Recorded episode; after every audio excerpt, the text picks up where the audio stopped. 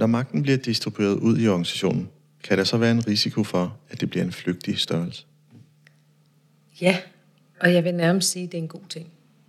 Skal vi tale videre om det? Det kan du tro, vi skal.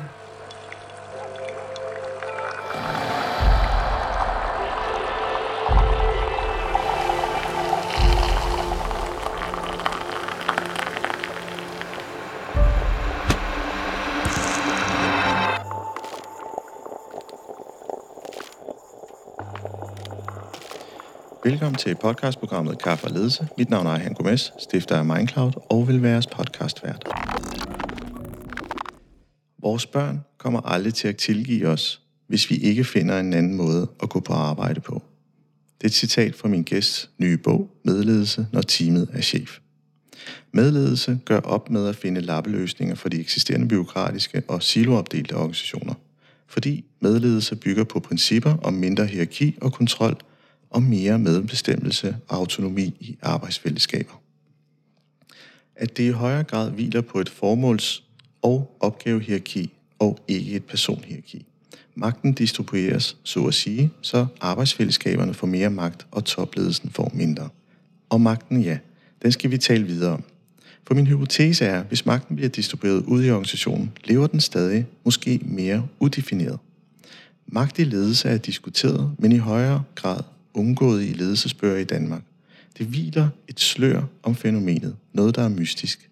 Dog er det sjældent, hvis slet ikke omtalt i organisationer, det der også symboliserer noget, der forbindes med en autokratisk ledelsestil, måske i forhold til tvang og vold og tidligere historie i forhold til militær ledelse. Det er som om, at sproget og fænomenet sender associationer til noget ubehag. Men hvad er magt egentlig? Det store danske leksikon definerer magtbegrebet således. Evnen til at sætte sin vilje igennem eller nå sine mål ved at kontrollere, påtvinge, manipulere, overtale eller på anden måde øve indflydelse på andres adfærd, uanset om det sker frivilligt eller ej. I ledelseskontekst kan magt bruges til at opnå mål, træffe beslutninger, påvirke adfærd og forme organisationsretning i forhold til en given opgave. Men magt lever i flere farver og udfylder forskellige nuancer både i samfundet, sociale relationer og i organisationer. For at rise nogen op, så har vi den autokratiske, hierarkiske magt, den forhandlende magt, ekspertmagten, det legitime magt, karaktermagt og så den sidst og ikke mindst tvungne magt. Lad os tale om det, vi ikke taler om. Den udeblevende samtale i forhold til magt og bogen Medledelse, teamet er chef. Min gæst er Mette Ågaard, i dag ledelsesrådgiver, forfatter og partner, har 20 års ledelseserfaring i blandt andet 12 år Novo Nordisk, et par år som HR-direktør i arkitektfirmaet Big, og senest som udviklingschef i Slagelse Kommune. Velkommen til. Tak. Jeg har faktisk glædet mig til det her emne. Øh, og jeg, da, da Anne nævnte, at det var magt, vi skulle tale om, så blev du også helt elektrisk. Og du sagde, yes, nu skal vi snakke om magt.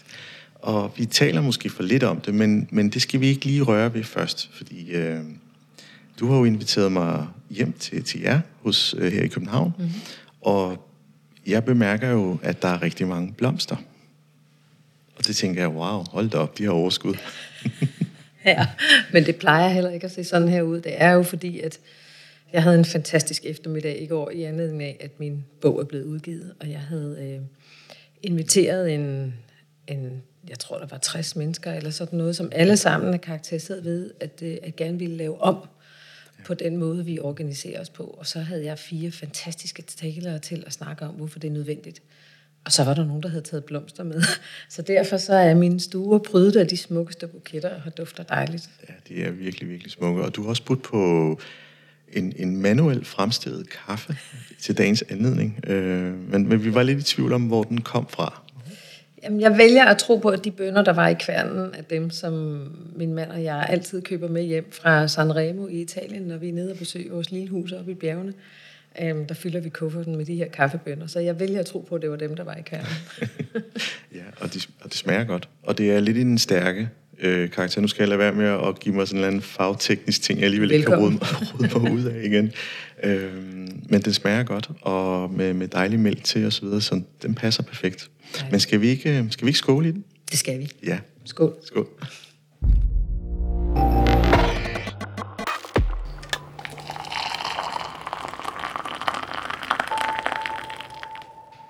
Mette, du har skrevet en, øh, en bog om medledelse, og hvordan øh, teamet kan blive chef. Men hvor startede det hele? Hvor, hvor, hvor kom ideen fra? Øh, ideen til at arbejde med medledelse, tror jeg, har bygget sig op i mig igennem de over 30 år, jeg har gået på arbejde, siden jeg blev færdig på universitetet. Jeg har jo altid arbejdet med organisationers interne liv. Og jeg oplevede sådan, efter cirka hvad, 20 år eller sådan noget, begyndte jeg at blive sådan mere og mere skeptisk over for øh, selve organisationsmodellen.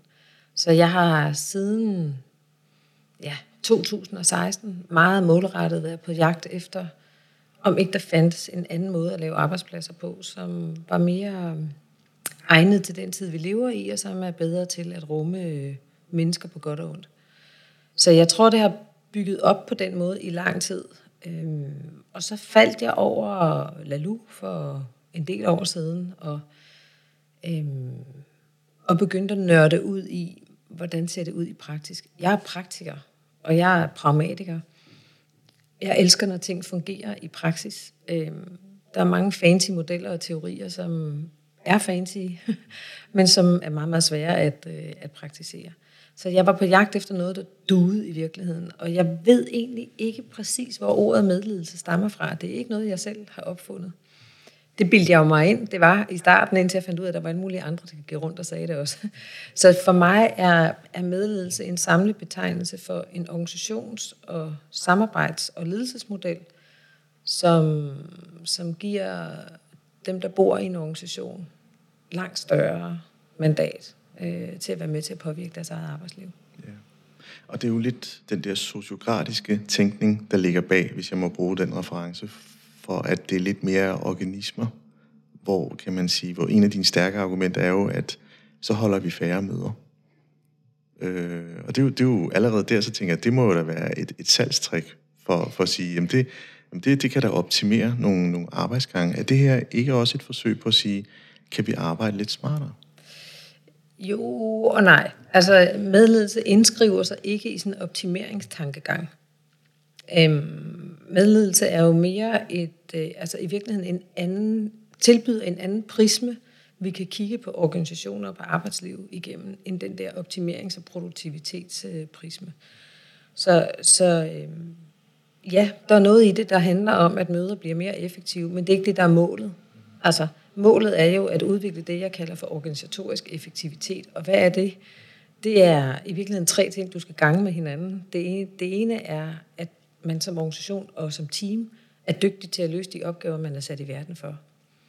Det andet er, at de medarbejdere, der er i organisationen, føler sig inkluderet og har medbestemmelse. Indflydelse og medbestemmelse er ikke det samme. Det kan vi eventuelt vende tilbage til. Men de har medbestemmelse, det vil sige, at de har mulighed for at bestemme, og de har mulighed for at påvirke. Og det sidste er så, at det skal foregå på en bæredygtig måde. Og hvad mener jeg med bæredygtighed her? Jeg mener, at det ikke, øh, altså at man undgår overforbrug af ressourcer. Og det er klart, når vi kigger i organisationer, så er det jo meget forbrug af menneskelige ressourcer, men der er også en underliggende øh, dagsorden her, der handler om at indrette organisationer, så de ikke overbruger, øh, overforbruger ressourcer i det hele taget. Og så skal du gange de tre med hinanden. Det vil sige, hvis du har en organisation, der er dygtig til at løse sine opgaver, men overforbruger ressourcer, så har du ikke organisatorisk effektivitet. Så vi skal både have dygtighed i at løse vores opgaver, mulighed for, at alle bliver hørt og de har medbestemmelse, og at vi gør det på en måde, så det ikke overforbruger ressourcer. Det er det, jeg kalder organisatorisk effektivitet, og det er det, medledelse øh, sigter på. Men det fænomen, det er, når, når man begynder at drøfte det, der hedder meningsskabelse, og øh, at det også pludselig bliver en ting, der, der, der lever i et team, kan det ikke også blive en, en meget abstrakt og meget subjektiv tilstand, så det ikke er produktivt? Øh, jo, det kan det, hvis ikke du administrerer det. Altså en af de ting, øh, vi arbejder meget med i medledelse, det er jo at skelne imellem, hvad der er et, øh, en enkelt persons præference, og hvad der er gavnligt for den fælles opgave. Og, og jeg har i bogen defineret seks principper for medledelse, og den ene af dem er jo, at den fælles opgave altid står over individets præference. Og det kan lyde super teoretisk, men i praksis betyder det, at øh, vi kan jo have mange holdninger og præferencer hver især. Og, øh, og når vi er i synk, så at sige, så er det jo fint, men det er vi jo bare helt utrolig sjældent. Så ideen om konsensus og enighed, og at alle skal have deres præferencer, er jo utrolig skadeligt faktisk for organisationer og for teams. Øhm, der opstår magtkampe, hvis vi har ideen om, at, øh, at vi alle sammen skal kunne forfølge vores egen præference.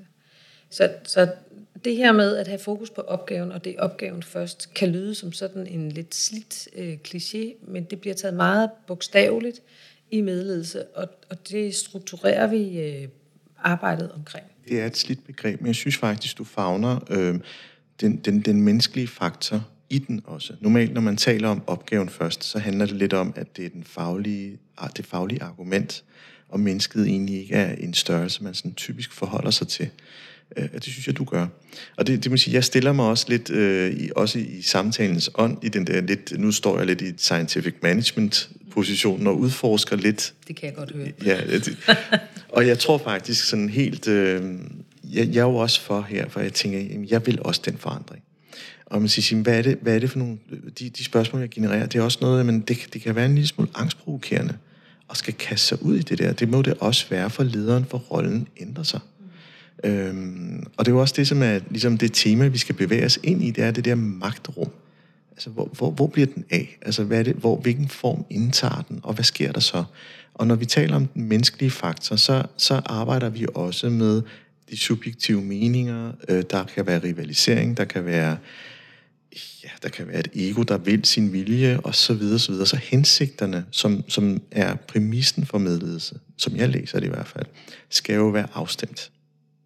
Øhm, så, så det er den position, jeg lige sådan tager lige nu. Og så ud fra den tager jeg så sådan en, jamen, umiddelbart, så virker det som om, at medledelse vil fungere rigtig godt med de eksempler, du har, ude der, hvor man har borgerkontakten. Men vil den også kunne fungere højere op i de hierarkiske lag? Eller er det en forkert anskuelse? Jeg er endnu ikke stødt på gode argumenter for, at medledelse ikke kan findes alle steder. Når det så er sagt, så er min, øh, min praktiske erfaring, at det, øh, at det appellerer hurtigere til personer, som er tæt på konkrete opgaver. Og nu har jeg jo selv været leder i 20 år. Der er rigtig meget ledelse, der er meget ukonkret. Øhm, det er det ene. Det andet er, at, øhm, øh, at fordi at det er så vigtigt i medledelse, at man ved, hvad den fælles opgave er, så kan der nogle gange godt øh, opstå sådan lidt flakkende blikke i, øh, i ledelsesgrupper, fordi øh, det desværre kan være ret utydeligt, hvad den fælles opgave er, når du sidder i en ledelsesgruppe.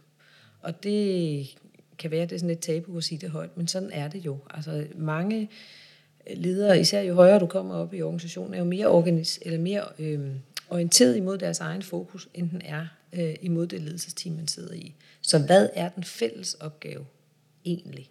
Og hvis det er uklart, så bliver det også sværere at bedrive medledelse. Så jeg tror ikke, det er fordi, at man er et sted i organisationen. Jeg tror, det er fordi, at den fælles opgave bliver mere klar, jo længere du kommer ud i organisationen. Og det kunne man godt lære noget af i toppen. Ja, jeg, jeg har faktisk øh, haft en, et afsnit med Anne-Marie i forhold til den her med tolerancetærsken, særligt op på topchefniveau, øh, hvor vi sådan arbejder os lidt frem på, frem til, at der er så mange faktorer, der gør, at man, man kører det, som hun kaldte steady hand. Altså, at man ikke tør de store forandringer, fordi man skal, det er et stort skib, der skal forandres. Og i, i min efterreflektion for den samtale, det var lidt, den forandring, jeg måske prøvede at tale om, det er lidt med, hvordan vi taler organisation og i forhold til, hvordan vi inkluderer det, vi faktisk gør, så det ikke bliver skyggearbejde. Mm. jeg synes, øh, nu har jeg selv også meget kommunal erfaring, men og, og i, den, i den kontekst, så er det ufatteligt svært at få beskrevet det, der sker ude i et plejecenter, det, der sker ude i en ungeindsats, helt en til en nøjsomt op på topchefniveau. Øhm, fordi de skal omsættes til nogle tal. Lige, lige sådan, at når politikerne efterspørger og smider nogle værdiladet ord ind i en organisation som værdighed og øh, andre lignende, kan man sige, værdiladet ord, så er det en meget svær omsætning i den klassiske tænkning. Så, så i den forbindelse, så er der jo rigtig mange, kan man sige, øh, forhold, der gør, at det modarbejder.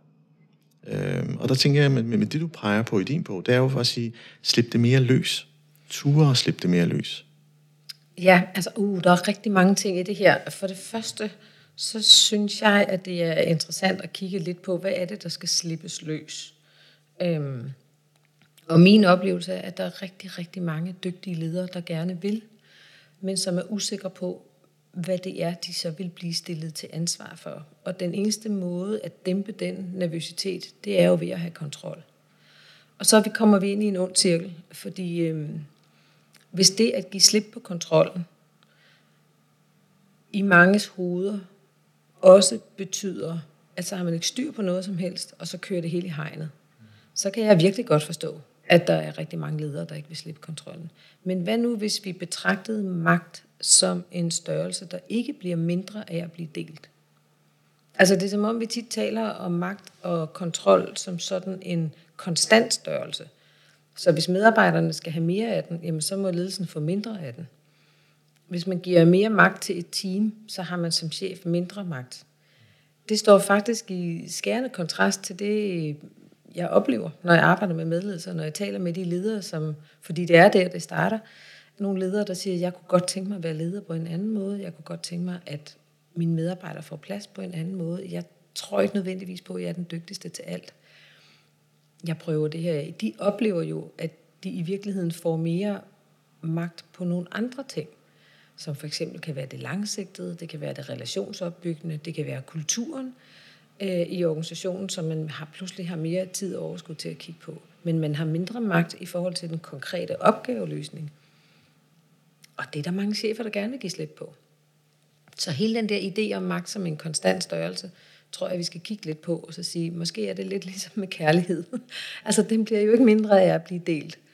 Øh, så det tror jeg vil være et godt sted at starte. Og så vil jeg sige, jeg tror, altså ledere er jo ligesom, ledere er jo også mennesker, ved jeg fra mig selv og alle dem, jeg har arbejdet sammen med. Og, og alle sammen vil gerne gøre det godt.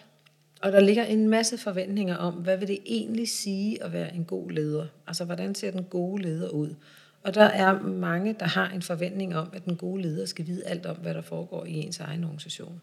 Og hvis det er en forventning, vi skal leve op til som ledere, så har vi jo kun kontrol som den mekanisme. Øh, kontrol og micromanagement, som ingen kan lide. Så derfor er der måske også noget med at se på, hvad er det, hvad vil det sige at være en god leder, og, og hvordan kan man dele ud af sin ledelse, så vi får mere organisatorisk effektivitet. Altså bliver dygtige til at løse vores opgaver, samtidig med, at medarbejderne får mere medbestemmelse, uden at vi forbruger ressourcer. Og vil, vil det kunne fungere i alle sektorer og brancher, at, at det kan introduceres? Altså det mener jeg, det kan. Jeg mener så også, at, og det er også min erfaring, at når man begynder at arbejde med det her, så starter man et sted, og så efterhånden så udvikler man sin egen model. Øhm, jeg har været ude og snakke med nogle universiteter om det her. Øh, universiteterne fik jo i 2003 øh, pålagt en ny styringsmodel, og lige siden har de faktisk, øh, og det viser undersøgelser også i andet af 20 år, kæmpet med, hvordan, hvordan får vi administreret forventningen om inddragelse, og har vi en inddragende og demokratisk kultur nok? Så de kigger på det her. Jeg er sikker på, at det kommer til at se anderledes ud, når man begynder at arbejde med det her på et universitet, end det gør, når man arbejder med det på et plejecenter eller i en medicinalvirksomhed. Mm. Men jeg kan ikke se, hvorfor det ikke skulle kunne fungere alle vegne, hvor der er teams. Ja, altså jeg, Lad du køber lige... den ikke helt. nej, men, jamen, jeg, jeg, jeg, jeg køber den godt, og det kan også godt være, at øh, min følelse af tryghed for et, noget, jeg kender, stiller mig i den position, hvor jeg lige er kritisk. Så det er sådan lidt den... Øh, og, og lad mig lige prøve at folde den lidt ud, fordi, fordi jeg tænker sådan lidt... Øh, meget af det, som... Øh, når, når vi pludselig tager den menneskelige størrelse ind i den dimensionering i gruppen, og, og vi arbejder med... Øh, vi arbejder ikke med, med den her indflydelse og konsensusstyret, men faktisk, at det er hovedopgaven, der definerer. Så er vi helt nede i det, der hedder, det er stadigvæk mennesker, der skal forhandle med hinanden i forbindelse med, hvad der er den, den bedst mulige tænkning eller retning i forbindelse med at løse opgaven. Så kommer krigsmetaforen, ikke? det er den store general. Han står derude, han mærker prisen, han mærker vejret, han mærker dagen, han fornemmer lidt, at den plan, der blev lagt strategisk dagen inden, hvor der var en dejlig proces, nu står han ude på slagmarken, han fornemmer lidt, det er ikke den vej, vi skal gå der er noget i mig. Det er en mave, det kan være en intuition, det kan være, hvad det er. Vi skal slå til herover. Den der den her fattighed, den erfaring siger mig, at når vinden blæser, som det gør, så skal vi nok gøre sådan. Det er jo meget en, en person, der tager de her beslutninger. Det er sådan en metafor for, for at sige, vil, vil, vil fejlen så ikke være, at det pludselig bliver en gruppedrøftelse, og magten derved er distribueret ud til flere, at man pludselig argumenterer med sanser, men argumenterer med intuition, at det faktisk er, ikke er farbart i den drøftelse, fordi meget af det, som du lægger op til, er den faglige drøftelse i forhold til en hovedopgave. Der ligger rigtig mange interessante antagelser i din metafor. For det første så er jeg næsten allergisk over for krigsmetaforer, når ja, det handler om arbejdspladser, men det er helt i orden. øhm, for det første vil jeg sige, ideen om, at en leder er bedre til at fornemme, at nu er der behov for en justering, synes jeg egentlig er lidt mærkværdig. Altså når jeg tænker på nogle af de medarbejdere, som der arbejder med medledelse, øhm, Altså, de er jo meget, meget tættere på borgeren, eller på kunden, eller på, øh, hvad det nu er, de arbejder for. Hvis der er nogen, der fornemmer, at der er en ubalance i forhold til det, man har besluttet sig for at gøre, og det, der er behov for at gøre, så må det da være medarbejderne. Altså, den der idé om, at man, fordi man har en ledertitel, nu ved bedre, synes jeg i sig selv godt, man kan udfordre. Altså, øhm, så det er sådan det ene, jeg vil sige, og, og en general, altså jeg vil ikke engang gå ind i den metafor, men altså jeg, jeg, øh, fordi jeg synes jo ikke, det skal være som at gå øh, i krig og gå på arbejde. Men, men, men det vil jeg sige, det vil være det første sted, jeg vil sådan, måske angribe den grundlæggende antagelse, der ligger under den betragtning. Det næste er så, at og det møder jeg rigtig tit, at, øh, at øh, man tror, at medledelse er ens betydende med sådan uendelige antal konsensus øh, søgende møder, hvor folk sidder og snakker i rundkreds og aldrig nogensinde kommer nogen vej. Det er slet ikke det, det er.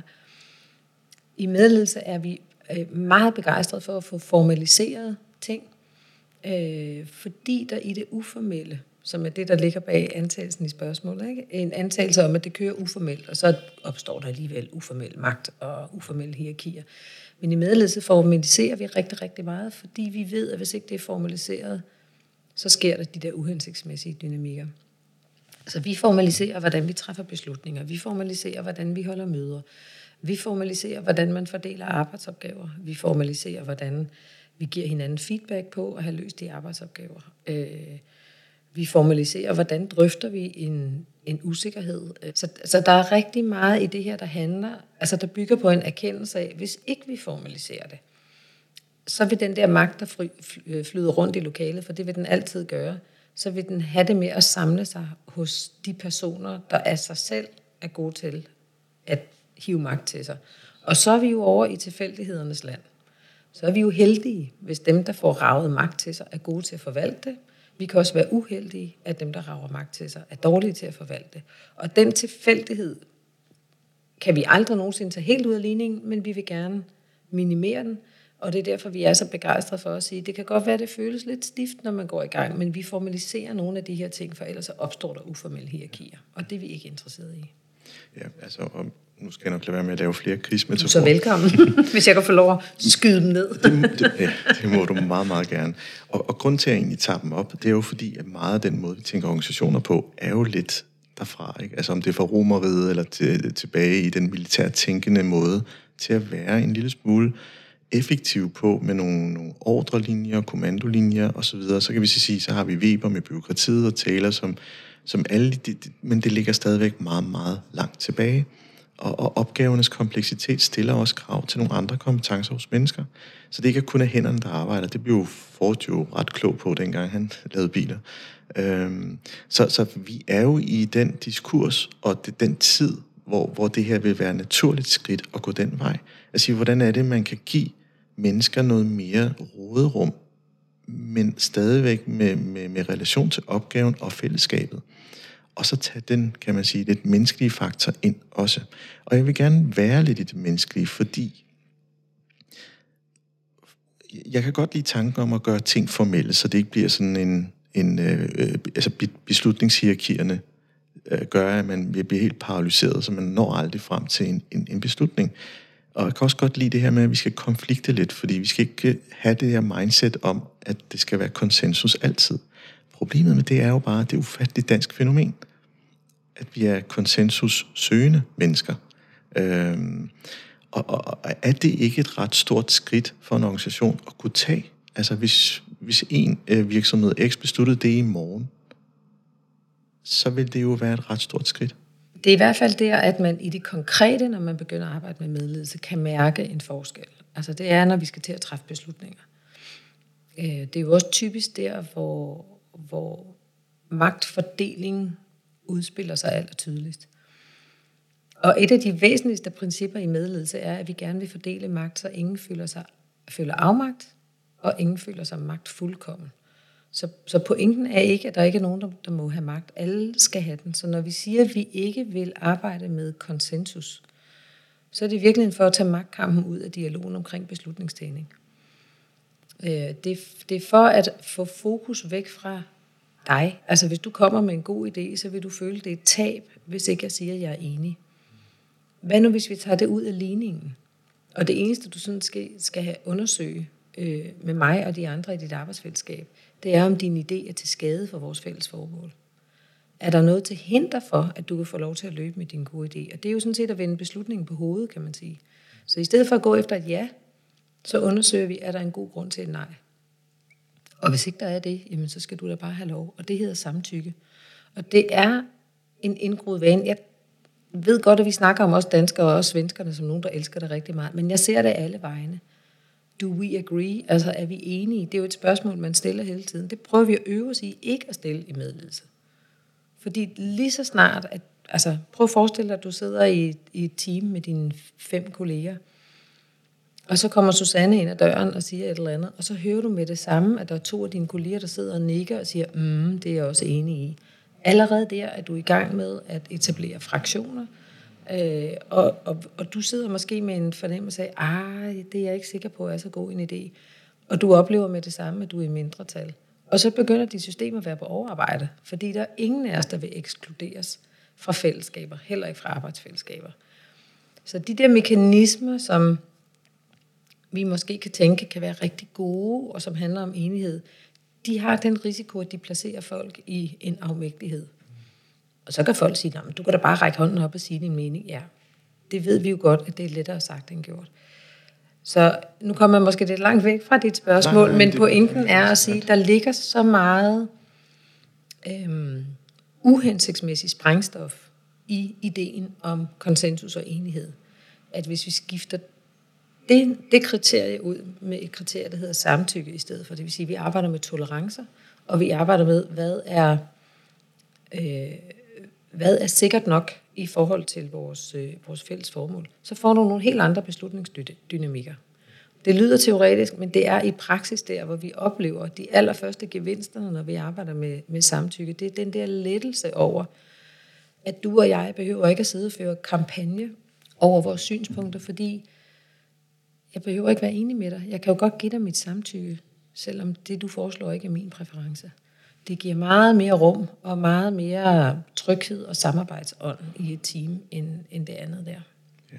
Og det, det gør jo det der med, hvis lederen så vil opretholde følelsen af ethos, så, så vil de jo også meget subtilt være konsensusstyret for, for alle med, og for, jamen synes du ikke, det er en god idé i det? altså, den der meget insisterende, øh, jeg, jeg kan godt lide den dynamiktanke, der ligger i medledelse. Den, det må jeg sige, nu giver jeg, nu giver jeg lidt slag på scientific management, der er her, og det er ikke fordi, jeg er det, for jeg, jeg genkender det. Jeg genkender det på de, de gange, hvor det, hvor det har fungeret, også i de gange, hvor jeg har været leder, at, at øh, den der dynamik, den spiller, og man, man, man åbner over op for noget innovation, som er fantastisk. Øh, man, man tør noget. Det skriver du også i din bog. Det her med at så vel det, der er måske det bedste bud på de mest usikre måder at gå på. Altså, jeg tror ikke, du formulerede det sådan, men det var sådan en idé om, det behøver ikke at være fuldendt perfekt, før I tager valget. Bare tag det. Altså, så der er en insisteren på, kom nu. Ikke? Bevæg jer, tør noget. Det kan jeg, det elsker jeg. Øh, og så kan jeg sige, så okay, hvad sker der så i dynamikkerne, hvis, hvis vi er skruet sammen i en gruppe, hvor der er tre personer, som er idémagerne hele tiden. så vil det være en, det vil flytte positionerne derover, og det gør jo, at der er en, der skal facilitere det. Og så tænker jeg, det er jo så lederen. Det er så, det er så ikke lederen. Nej, okay. Altså to ting, jeg skal sige, øh, og nu bliver det lidt teknisk og lidt medledelsesnørdet, men altså i en, i en medledende team er der ikke nogen chef. Det er ikke ens betydende med, at der ikke kan være en chef i en medledende organisation, men i et medledende team er der ikke nogen chef. Øh, når jeg som chef i for eksempel Slagelse Kommune gik ind i en medledende, et medledende team, så gik jeg ind i det team på fuldstændig lige vilkår som alle andre. Så ved jeg jo godt, at de godt ved, at jeg også er chefen, når vi går ud af lokalet, så derfor skal jeg jo styre mig, hvordan jeg opfører mig. Men det er en anden diskussion. øhm, så det er det ene. Der, der er ikke nogen leder i teamet. Til gengæld er der altid en facilitator. Så det er du nemlig fuldstændig ret i. Når nu vi er begejstret for at få formaliseret en række af de her processer, der gør, at vi sigter på at få distribueret magten øh, blandt alle medlemmerne i teamet, så skal der også være en, der faciliterer det der. Så i stedet for, at der er en, der bestemmer over beslutningerne, så er der en, der bestemmer over processen. Og det vil sige, at, øh, at øh, et hvert medledende team har en facilitator, som jo efterhånden lærer de her processer at kende. Og, og, og det kan jo se ud på mange måder. Altså, jeg henter min inspiration fra det, der hedder sociokrati, men det kan jo se ud på rigtig, rigtig mange forskellige måder. Det er ikke dogme, det her. Det er ikke øh, enten sådan eller ingenting. Øhm, men faciliteret, det skal det være. Øh, og rollen som facilitator går på skift. Og hvis der sidder en formel leder i lokalet, så anbefaler vi, at det ikke er den person, der har facilitatorrollen. Men det igen, altså igen, det første princip i medledelse handler om distribution af magt, og derfor så kigger vi jo hele tiden på, hvis nu vi gør sådan her, kommer vi så til at samle for meget magt hos en person? Øh, og hvis vi gør, så finder vi en anden måde at gøre det på. Så, så, øh, så derfor skal det være faciliteret, og det skal være en rolle, der går på skift. Ja, fordi... Hmm, okay. Og hvis lederen så stadig sidder der, så behøver de faktisk ikke at sige noget, bare deres tilstedeværelse sender jo projektioner om en eller anden form for position, bevidst eller ubevidst. Armen over kors, tilbagelænethed, øh, og den stille mus, der nu har fået ordet. Altså det er det, det, det gruppedynamik, jeg taler om. Mm. Og at de bedste ledere af os, er jo dem, der spotter, hvor faktisk så har den stille mus faktisk noget væsentligt at sige. Og det vil sige, det skal vi lige lukke ned for de, de skoletalende meget, altså dem, der dominerer rummet, de skal lukkes en lille smule ned, sådan så at øh, vi, kan, vi kan få spot på, på den person, der ikke siger så meget. Mm. Og det er den facilitatorrolle, ja. Og det er jo også det, man kan sige, at det så er en ny type leder, dog er magtbegrebet så pillet ud. Altså det er bare en facilitator, og den, det er en rolle, der skifter, som du så fint siger. Men, men, men når hvis lederen er til stede, så vil jeg jo stadig mene, det er lidt ligesom at have sin kommunaldirektør på besøg, jamen så ændrer det jo rummet. Øhm, altså vi kan jo ikke, vi kommer jo et sted fra, og vi er i en virkelighed, hvor hierarkiet betyder noget. Så vi kan jo ikke pludselig med sådan et, øh, et, et trylleslag på mandag beslutte os for, at øh, nu lader vi som om, at vi ikke forholder os til, at der findes et hierarki. Så det medledelse tilbyder, det er nogle rammer og nogle processer øh, og nogle strukturer for, hvordan man kan få distribueret magten, så alle føler, at de har magt til at kunne gøre en forskel. Og så er det klart, at hvis man har en integreret model, som de fleste organisationer har, hvor de stadigvæk holder fast i at have øh, formel ledelse, så skal de ledere, der træder ind i de medledende teams, være sig sin adfærd meget bevidst. Så, så de organisationer, der er dygtige til det her, de bruger faktisk noget tid på i lederkredse at snakke om, hvad, hvad for en slags leder skal vi nu være? Øhm, og, og hvor vi snakker om, at den magt, man har som leder, skal man bruge til at sikre, at færdselsreglerne i medledelse bliver overholdt. Øhm, og at man faciliterer den læring og den overgang så godt som muligt. Så det er en helt anden lederrolle, end man plejer. Samtidig så skal der jo stadigvæk være nogen, der udstikker rammerne for det her. Det er jo ikke sådan, at der er frit valg på alle hylder en anden udbredt myte omkring de her ting, at så kan folk bare gøre lige præcis, hvad de har lyst til. Nej, det kan de ikke. Der er nogen, der definerer retningen, og der er nogen, der definerer rammerne, og det ligger også øh, ideelt set i, i nogle medledende øh, teams. Så det er det ene. Vi kalder det mikroadfærd, det der med at være opmærksom på, at man bare med et blik, eller et suk, eller en rynket pande kan sende et signal. Øh, det andet øh, er, at en af de ting, man gør, og nu bliver det igen lidt teknisk, øh, i de her teams, det er, at man taler i runder. Og det vil sige, man spørger ikke ud i lokalet, er der nogen, der har en kommentar, for så ved vi godt, at det kræver mere af nogen end af andre at stikke poten i vejret. Så her der inviterer man folk ind.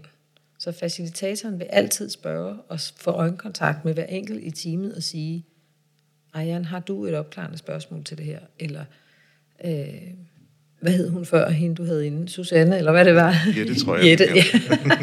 Jette, har du et spørgsmål? Så man bliver spurgt, man bliver inviteret ind, og dem, der taler meget, de bliver, de bliver lukket ned for. Og det sjove af det hele er, at jeg troede i starten, at medledelse ville appellere mere til dem, der har brug for lige at vende en tanke en ekstra gang, øh, og, og være lidt mere irriterende og begrænsende for dem, som lynhurtigt bare øh, snakker løs og er på. Øhm, og der har det glædet mig utrolig meget at få feedback fra øh, den sidstnævnte type, altså de sådan mere ekstroverte, hurtigsnakkende, at, øh, at de synes, det er virkelig, virkelig rart at komme ind i en ramme, hvor deres entusiasme øh, egentlig bliver lidt begrænset, fordi de oplever en glæde ved at få hjælp til at lytte. Det er jo sådan noget ekstroverte typisk for at vide, du skal blive bedre til at lytte. Du skal bare lytte noget mere, siger man til dem. Og her der er der en ramme og en struktur, der giver dem den hjælp. Øhm, Rikke, som er sygeplejerske nede på et plejecenter, hun sagde det så smukt, at, øhm, at hun oplever, at hun har fået nye kolleger. Fordi hun får hjælp til nu at lytte til, hvad de mere stille eksistenser har at sige. Øhm, så det der med, at hun oplever pludselig, at hun er blevet del af, hun har fået nogle nye kolleger, hun har fået et nyt fællesskab, hun er blevet en del af. Det er jo sådan en af de der dage, hvor man som medledelsesnørd går hjem med et kæmpe smil på læben. Ja, fordi der er også noget med at behandle hinanden med værd. Altså, der er, der, og det er jo de dejlige dyder, vi har som mennesker, også fra barnsben af, at, at, at øh, vi er opdraget sådan, at behandle sine medmennesker, øh, som vi gerne vil behandle selv, eller, eller som de gerne vil behandles. Det vil sige, når man så distribuerer det ud til, til gruppen, så er vi jo også på arbejdspladser, hvor der er udskiftninger. Naturligt, det kan være, at man er færdig med sit arbejdsliv og skal pensioneres, eller man har fået noget nyt andet spændende. Øh, er det ikke en for stor forstyrrelse? Jeg ved i hvert fald, at der er arbejdspladser, hvor der for eksempel er meget vækst, og hvor du får mange nye medarbejdere ind. Øhm, at der skal man splitte de her teams, når de når en vis størrelse, for ellers så bliver det simpelthen ineffektivt øh, at sidde i. Og det kan godt være lidt hårdt at skulle genetablere øh, teamet med det samme. Men altså, det tænker jeg er en praktisk udfordring, som der er en praktisk øh, løsning på. Øhm. Det, der er interessant, når vi snakker magt i forhold til de her ting, det er, at altså, det er jo ikke fordi, at man med medledelse gør, øh, altså får en verden, hvor der ikke længere er magtkampe. Og hvis vi skal zoome lidt ind på det, så er det jo fordi, at, at magt handler jo også om at have kontrol over sit eget liv. Og derfor vil vi alle sammen gerne have noget af den. Øhm, og, og, og der er nogle super interessante studier, der jo peger på, at, at motivation for at gribe ud efter magt handler i virkeligheden om at undgå at blive afmægtig. Altså at undgå, at der er nogen, der bestemmer over en. Så derfor handler ønsket om magt måske mere om at have kontrol over eget liv, og have lov til at bestemme selv. Øh, at, at, at have den frihed, øh, det indebærer at sige, hvordan vil du bruge det, du ved, og det, du synes er rigtigt, til at træffe en god beslutning. Det vil vi alle sammen gerne have en del af, så vi rækker ud efter den der magt. Så, så derfor så forsvinder magtkampe jo ikke, fordi vi indfører medledelse. Men det, jeg godt kan lide ved medledelse, det er, at vi har nu nogle rammer for, at det er fuldt ud legitimt at snakke om det. Altså, vi har som princip, at vi skal fordele magt. Vi har et, en, øh, en intention, der hedder, at vi ønsker ikke at skabe afmægtige medarbejdere. Afmægtighed er frygteligt. Øh, det bliver man jo syg af, øh, efter at have, have følt det i lang tid.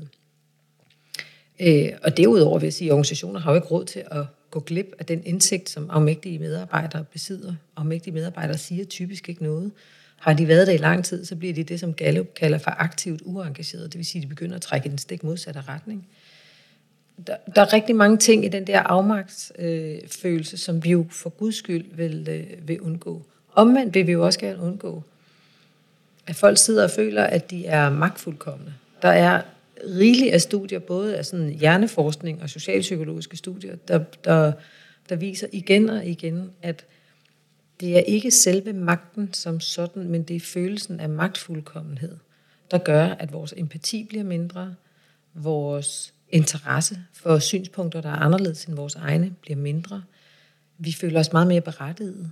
Øh, og vi mister evnen til at træffe beslutninger øh, med udgangspunkt i fællesskabets interesse og bliver mere og mere orienteret omkring vores egne behov.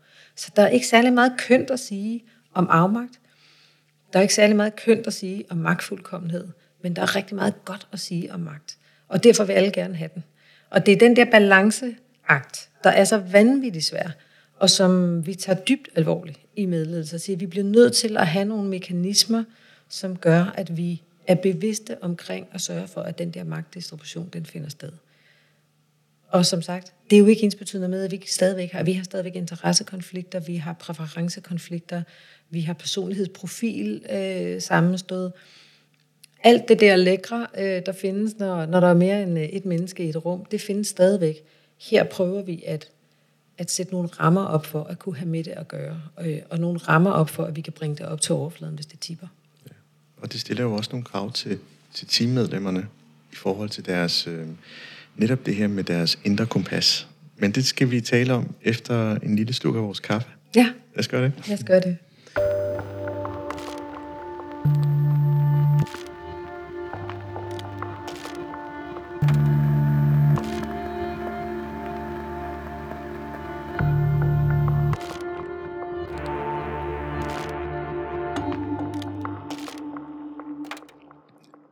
Vi bliver så optaget af emnets vigtighed, og måske også relevans, at jeg også nogle gange glemmer at, at få drukket lidt af vores kaffe og vand osv. Og, øhm, og jeg kan se, at tiden også flyver. Men jeg, altså, jeg kan ikke lade være med at dvæle lidt ved, ved uh, individet i gruppen og, og facilitatorrollen, der går på skift. Øh, min hypotese er jo lidt, de bedste facilitatorer er jo faktisk også dem, der bliver koordinatorer, og dem, der også arbejder sig hen imod at blive ledere. Er jo min hypotese. Så, og der er jo nogle mennesker, der siger, jeg vil ikke have den rolle.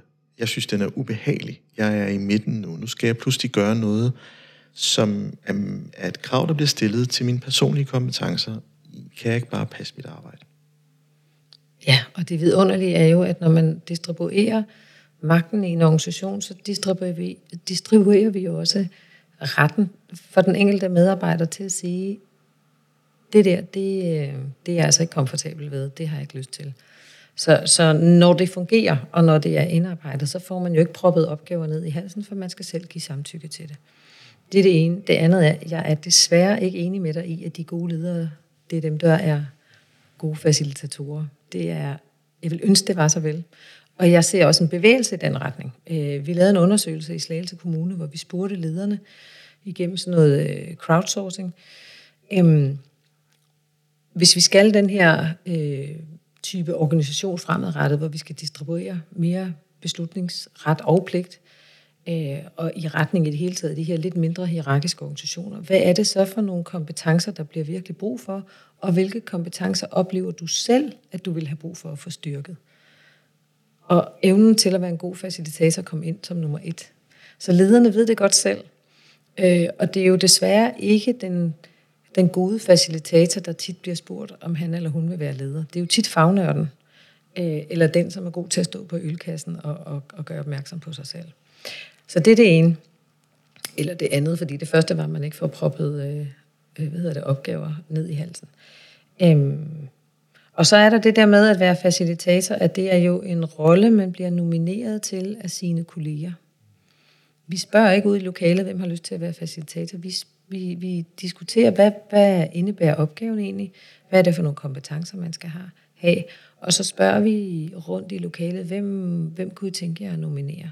Og der må man gerne pege på sig selv. Øhm, og så hører vi på, hvad hinanden har at sige, og så finder vi frem til et forslag, og det bliver der givet samtykke til. Så, så det er jo en, man handler jo på et mandat, man har fået af sine kolleger. Og det er der erfaringsmæssigt en enorm kraft i. Så bliver man spurgt til sidst, vil du have den her rolle? Og så siger man, ja, altså, det vil jeg jo gerne. Øhm, jeg føler mig måske ikke helt klædt på til opgaven. Så tager vi en snak om, hvad skal der til, for at du føler dig klædt på? Og hvornår vil du gerne have noget feedback? Så, så de her ting er jo genstand for en anden måde at fordele opgaver på, og en anden måde at acceptere opgaver på, hvor vi egentlig er mere optaget af, har du lysten og har du tiden, end du nødvendigvis på forhånd skal have kompetencerne. Og i det ligger der jo også et udviklingspotentiale. Så der er rigtig meget af det her, der handler om fælles ansvar. Og så ved jeg godt, at du vil gerne snakke om individet. Det her handler jo i virkeligheden om at få lidt mindre fokus på individet. Altså frem for at snakke om de her følsomme sjæle, som går på arbejde og som øh, har brug for hjælp til at blive motiveret og har brug for hjælp til at gøre noget. Altså det afspejler, at det, så er vi jo inde og røre ved sådan noget, der handler om menneskesyn. Altså tror vi på, at mennesker i bund og grund øh, har brug for hjælp til at blive motiveret? Eller tror vi på, at når de træder ind over døren, så er de det nok? Eller ind over dørtrinnet, så er de det nok? Og, og, og hvis nu vi tror på det sidste, at folk de søger et arbejde et sted, og de tager et arbejde et sted, oftest fordi de gerne vil være der, så er spørgsmålet jo ikke, hvad vi skal gøre for at motivere folk og gøre og, og sikre, at de har det godt. Så er spørgsmålet jo, hvad er det egentlig, vi gør, som ødelægger deres motivation, og som forhindrer, at de har det godt. Og det er jo en af de ting, jeg synes, der er rigtig spændende ved det her, det er, at vi har jo, jeg har jo kigget på alt muligt motivationsteori og psykologisk tryghed og magtteori og alt muligt andet. Og, og det jeg jo kan se, det er, at der er, altså det medledelse bygger på, det er jo sådan set at sørge for, at de omstændigheder, der skal være til stede for, at vi ikke ødelægger folks motivation, dem, dem vil vi gerne støtte op om. Og, der, der, altså, der, og jeg kan sådan set godt følge tanken. Jeg, jeg ved ikke, hvorfor jeg lige laver en parallel til, hvordan øh, ledelse og struktur er et foreningsliv, hvor, hvor bestyrelsen bliver skiftet, og formanden går lidt på omgang, og så justerer man bare ind, og så kører det egentlig bare sin gang. Øh, fordi man er også bevidst om, at det, der er på spil her, er, er noget forening. Det er noget, man øh, sådan har ud over. Det er en identitet, som ikke er definerende for, hvem man er umiddelbart. Øh, og i Danmark har vi jo en stærk arbejdsidentitet. Og det stiller jo rigtig mange krav til individet selv i forhold til at leve op til den rolle, man nu er i. Øh, og, og også, kan man sige, de nogle gange lidt kampe, man har med sig selv i forhold til, hvorfor man ikke lykkes, og hvorfor er det andre ikke synes, de idéer, man bidrager med, ikke bliver lyttet til eller forstået på, på, på sagt meget forsigtigt i hvert fald. Når man bevæger sig ind i det her, jeg ved, og jeg forstår også godt, at hvorfor individet skal ud for, fordi ellers bliver det bare en, så en stor subjektiv øh, sandkasse, hvor der ikke er noget progression i. Fordi vi skal tjekke ind på, om alle har det godt. Altså, så bliver det sådan en alt for holistisk dagsorden. Men, men jeg kan jo ikke lade være med at tage den op, når mennesket pludselig er i spil. Altså man siger, den har trods alt også i en struktur, hvor I siger, der er nogle mikro øh, øh, opmærksomheder, som du kaldte det i hvert fald. Øhm, men igen, så baserer det sig på de gode hensigter. Og som du indledningsvis sagde, rettet mod lederne, der, der nævnte du faktisk, at, at, øh, at lederne kan også godt være sådan selvoptaget og tænke på sin egen karriere, og måske handler det mere om mig end os. Øhm, men det findes jo også blandt medarbejdere. Ja, ja, og der er ingen forskel. Og jeg, og jeg synes øh, generelt set, at ledere bliver hængt ud for meget. Øh, øh, både for meget og for meget. øhm, så hvis vi holder op med ligesom at skælne der, og så sige, der er noget universelt øh, i os, som handler om, at vi gerne vil respekteres, og vi vil gerne tages alvorligt, og vi vil gerne have muligheden for selv at vælge vores respons øh, på det, vi bliver udsat for. Der er ingen af os, der bryder os om at blive dikteret. Øh, der er alt for meget voksen til barn snak i, i organisationer. Så jeg tror, jeg tror, vi skal være utrolig påpasselige med øh, at gøre en, en systemisk problemstilling til et individuelt anlæggende.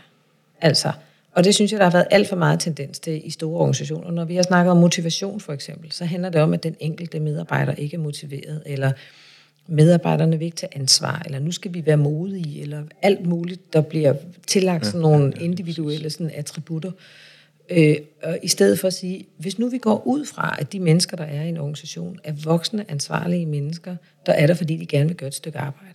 De er på den her arbejdsplads, fordi de gerne vil udrette et stykke arbejde og gøre en forskel og samtidig blive respekteret i processen. Altså, så, så holder vi op med at have så meget fokus på, hvad den enkelte skal føle, og den enkelte skal gøre, og i stedet for så har vi fokus på, jamen, hvad gør vi så for, at vores arbejdsfællesskaber er duelige? Øhm, og derfor så gør vi os selvfølgelig opmærksomme, øh, gør vi hinanden opmærksom på, at vi vil ikke have nogle dynamikker, der gør, at vi føler os afmægtige, fordi så sætter vi alt det der ud af kraft. Og vi vil gerne have en, en respektfuld voksen-til-voksen kommunikation i det her. Men det er jo, altså jeg synes faktisk, det er at pålægge ledere for meget ansvar at sørge for, at hvert enkelt medarbejder skal være motiveret, for det er jo krop umuligt. Altså hver gang man får lavet sådan en trivselsmåling som leder, så får man sådan nogle modsatrettede øh, øh, resultater ind på bordet, hvor, hvor altså for eksempel efter corona, så er der nogen, der gerne vil have lov til at arbejde hjemme lige så tosset de vil, og andre kan ikke holde ud, deres kolleger aldrig er der. Damned if you do, and damned if you don't. Og det er igen det der med jagten efter individets præferencer i organisationen. Hvis nu vi giver det der individ en lille smule fred, og siger, at vi er ansvarlige mennesker, vi kan, vi kan sørge for rigtig meget selv, og i stedet for kigge på, hvad er det, vi kan give af rammer til arbejdsfællesskaber, for at de er duelige. Det vil sige, at de er dygtige til at løse deres opgave, og de kan rumme de mennesker, der sidder der, sådan, så folk de kan bringe deres faglighed og deres erfaring til bordet. Så tror jeg egentlig, det er en lettelse for mange, at det der fokus på individet kommer en lille smule væk. Jeg vil godt lide præmissen. Altså det med motivation er jeg fuldstændig enig med dig. Altså det er ikke lederens opgave at motivere medarbejderne til at på arbejde. Altså det, det er det ikke. Ja, men det er lederens opgave så, fordi ikke demotiverer.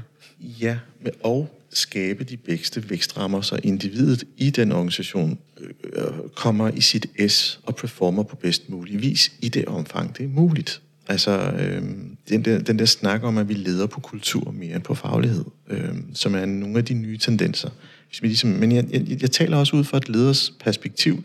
Er, er ledere efterhånden ikke blevet jadet vildt? Altså, øh, nogle af de, nu, nu nævnte du selv corona, ikke? Altså, det kan jeg da huske, og, og begrebet omkring psykologisk tryghed, det hele er med referencepunkt omkring medarbejderen.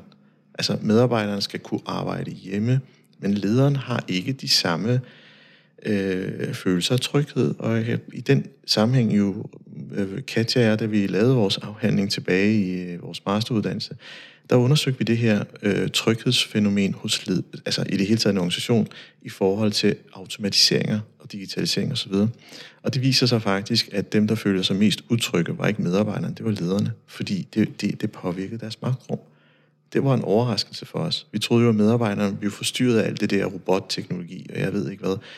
Det var bare en ny måde at arbejde på, og det, havde de indstillet sig meget hurtigt, men det var automatiseret i sådan en forstand, at lederen pludselig ikke så, hvad deres virke skulle være. Deres magtrum var ændret. Og det er derfor, emnet er så relevant at tale om, fordi med det her kunne man jo også godt subtilt tænke, at det er et angreb mod autoriteter, mønstret omkring en enkelt person.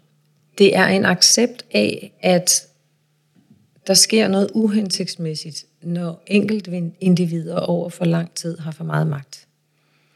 Og det, og det er sådan set uanset om de er ledere eller om de ikke er ledere. Altså, det, øh, så det er jo accepten af, at der sker noget uhensigtsmæssigt i relationer, der sker noget uhensigtsmæssigt i organisationer, der sker også noget uhensigtsmæssigt på makroniveau. Altså, øhm, men den her idé om, at det handler ikke kun om at vælge repræsentanter for sig selv, det handler også om, at den enkelte medarbejder skal have mulighed for at have præcis magt nok til, at man har en tillid til, at jeg kan faktisk gøre en forskel. Og så vil jeg sige en anden ting i forhold til det der med, med ledere, eller i virkeligheden med samarbejdsrelationer. Fordi at jeg, jeg synes måske ikke øh, i medledelse, at det er så interessant at skelne mellem ledere og mellem medarbejdere. Hvordan kan du have tillid til et menneske, der gør dig afmægtig? Altså det kan man jo ikke. Det kan man ikke. Og derfor så kan man sige, alt det her, der er jo også noget, i det her ligger der også noget, der handler om tillid, men det er så nemt at sige, nu skal vi have tillid til hinanden, eller et eller andet. Hvis ikke vi samtidig kigger på, hvad det er for nogle mekanismer, der aktiverer vores frygt. Og det er jo i det øjeblik, vi står over for et andet menneske, der gør, at jeg føler mig afmægtig, eller udulig, eller ikke velkommen. Og det, og det er jo det, man kan sige, det kan vi jo ikke, det kan vi jo ikke styre, det kan vi ikke kontrollere, men vi kan i hvert fald prøve at tilbyde nogle rammer nogle, og nogle processer, som gør, at vi siger, at vi ønsker ikke, at mennesker skal føle sig afmægtige. Og vi ønsker ikke, at mennesker skal føle sig magtfuldkommende, fordi med det følger alt for stor en risiko.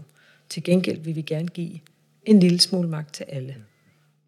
Og det er lidt interessant, og grund til, at jeg sagde, at det var meget på, på medarbejdernes præmisser med, med, med, med corona og hjemmearbejdsdag osv., så, videre, så er der også øh, øh, psykologisk trykket, nævnte du fint. Og, og, og en af de kan man sige, øh, medarbejdertekniske, medarbejders ytringer i forbindelse med det, er, nu, nu kan jeg dele hvad som helst til gruppen. Og det er også meget misforstået, fordi det, det, som du også taler om, det er, at man skal også være ret bevidst om, hvad man egentlig deler, og det, det stiller opmærksomheder til, hvordan man administrerer sig selv øh, med sine følelser, hvis man er uenig, øh, og så videre. Den del, den parkerer jeg lige. Men fra en leders position ind i psykologisk tryghed, der mener jeg jo så, at for at det skal være et trygt sted at arbejde, så skal lederen spotte den ikke arbejdende kraft og hurtigere kan man sige, tage den, det medlem ud, for at gruppen stadig fungerer bedst muligt. Jo længere tid du ikke gør noget, jo større usikkerhed bliver skabt. Det er typisk lederens pangdang ind i det her. Og det får mig jo lidt sådan, inviterer mig lidt ind i den der rolle, det her. Hvad sker der så, hvis en af teammedlemmerne ikke leverer? Så skal gruppen jo så ekskludere. Mm. Og det er rigtig hårdt. Ja. Det er rigtig, rigtig hårdt. Og det er en af grundene til, at øh, altså, der er jo nogle organisationer, der arbejder med sådan en fuld skala magt, eller medledelsesmodel, øh, hvor man så prøver at etablere nogle mekanismer for, hvordan gør vi det her. Øh, jeg synes, det er hårdt at starte der øh, for et arbejdsfællesskab. Så det øh, pragmatikeren i mig øh, anbefaler, det er, at man laver netop den her integrerede model.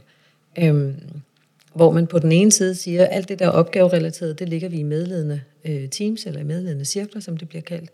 Og så er der nogle personalerelaterede ting, der vil være forstyrrende for samarbejdsklimaet i, i øh, teamet, og derfor så beder vi om, at den opgave, den stadigvæk ligger i det formelle hierarki.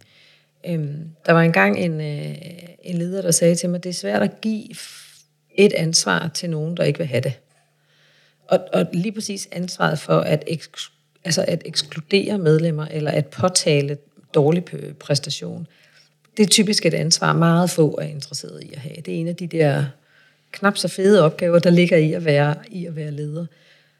Så det er nogle organisationer vælger, og det synes jeg er klogt, det er, at man siger, at de ting, altså lønforhandling for eksempel, øhm, performance-samtaler, øh, de svære samtaler, fyringer, det ligger vi i den eksisterende ledelsesstruktur.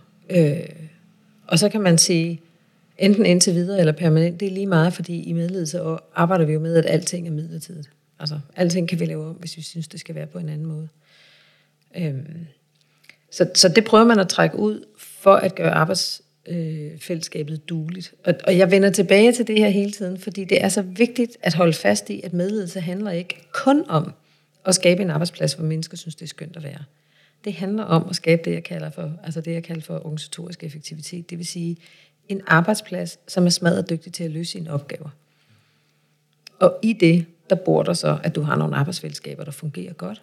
Og i det, der bor der, at vi får distribueret magten, så vi ikke får afmægtige medarbejdere, der ikke uh, tør sige deres mening, og ikke uh, tør tage et ansvar, uh, og så videre. Så, så derfor så, så hænger det hele sammen som daggammel spaghetti, som man plejer at sige. en god metafor til det. Ja, fordi den der afmagt, der, der, der, der, der kunne jeg godt mærke, at der havde lige brug for at sige, hvordan er det så? Hvem, hvem tager... Fordi at blive ekskluderet er jo følelsen af afmagt. Det er jo den ypperste form i, i en organisatorisk kontekst. Øhm, og det er lidt interessant, fordi det du egentlig også taler ind i, det er jo, at, at det er jo ikke én tænkt model. Der er eksempler på, hvordan det kan gøres, og, og man kan tilpasse det efter, hvad man selv synes, hvor de hierarkiske beslutningskompetencer skal ligge i forbindelse med nogle af de Øh, ikke first to go steps. fordi det, men, men jeg synes også, det er fedt, fordi det, det der dimensionering, vi har i vores samtale i dag, det er jo netop, at det, hvad er det, vi ikke taler om? Fordi umiddelbart, som jeg siger, så lyder det jo fantastisk. Og jeg har jo prøvet at udforske, eller udfordre dig også lidt på de der, sådan, øh, jamen okay, lad os, lad os tale om det der magt. Det der flygtige magt. Og vi, jeg synes, vi har åbnet samtalen. Jeg tror, det, det, det er overhovedet ikke slut, kan jeg godt mærke. og, øh, men jeg synes, jeg synes faktisk, at... Øh, øh, jeg synes, der er et eller andet, det jeg godt kan lide som, som person, jeg kan godt lide den der med, at, at, at øh, okay, vi er her for en opgave. Godt. Det, det, det nulstiller en lille smule med alt muligt andet, der også desværre har været en bevægelse i længere tid.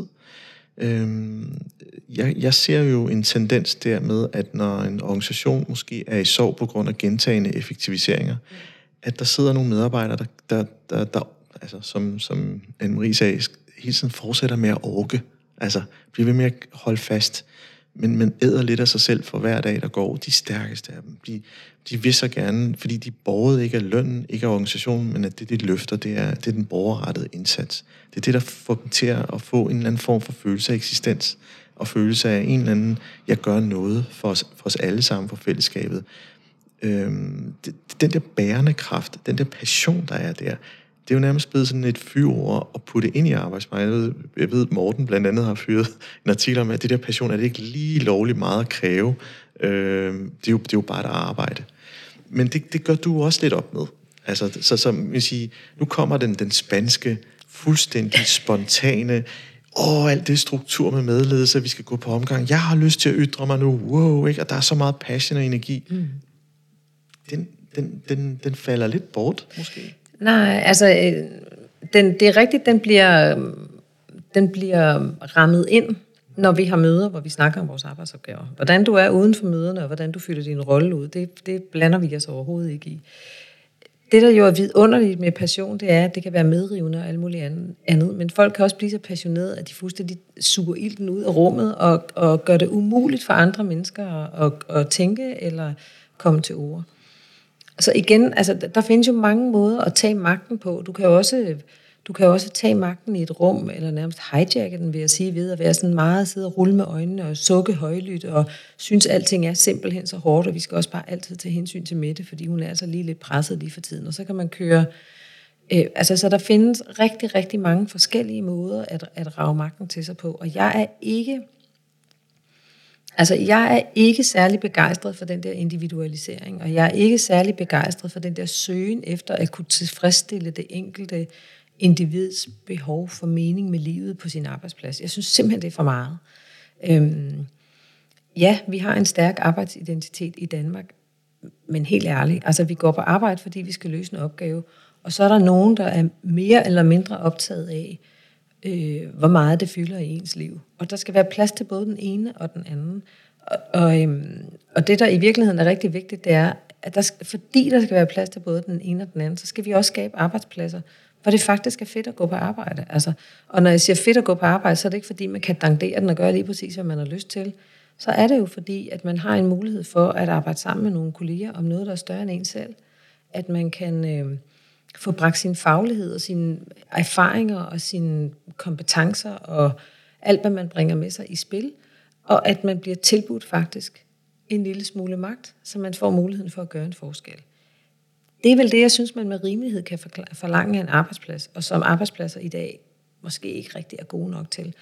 Og, og ikke alt det der med, at nu skal man have trykket sig selv fuldstændig af på arbejdspladsen. Der, der bliver simpelthen for meget speedway i egen navle mm.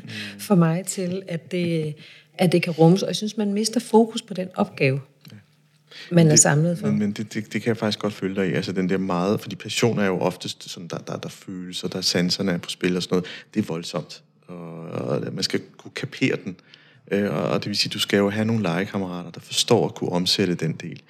Det, det er en helt anden snak. Det kan vi til. Ja, men jeg vil, jeg vil gerne sige, at jeg synes, der skal være plads til følelser, fordi dem har vi jo alle sammen med. Øh, og de skal være der, og de skal luftes, og vi har også processer for at invitere ind. Hvad, hvad tænker du, hvad føler du, hvad synes du om det her?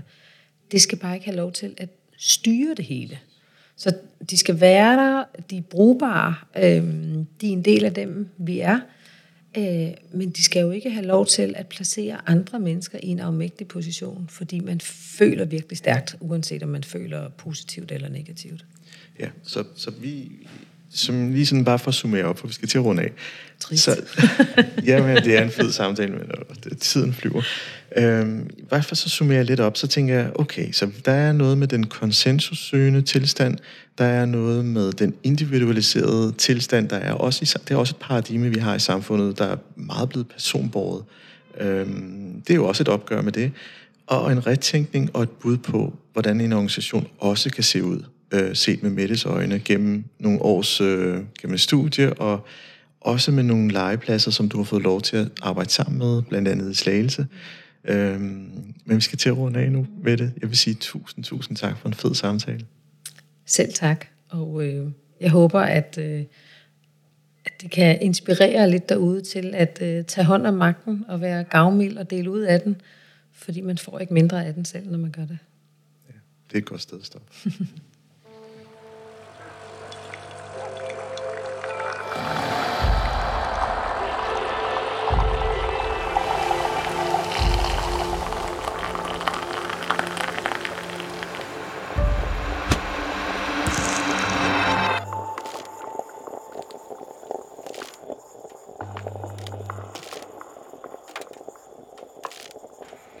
lyttet til podcastprogrammet Kaffe og Ledelse.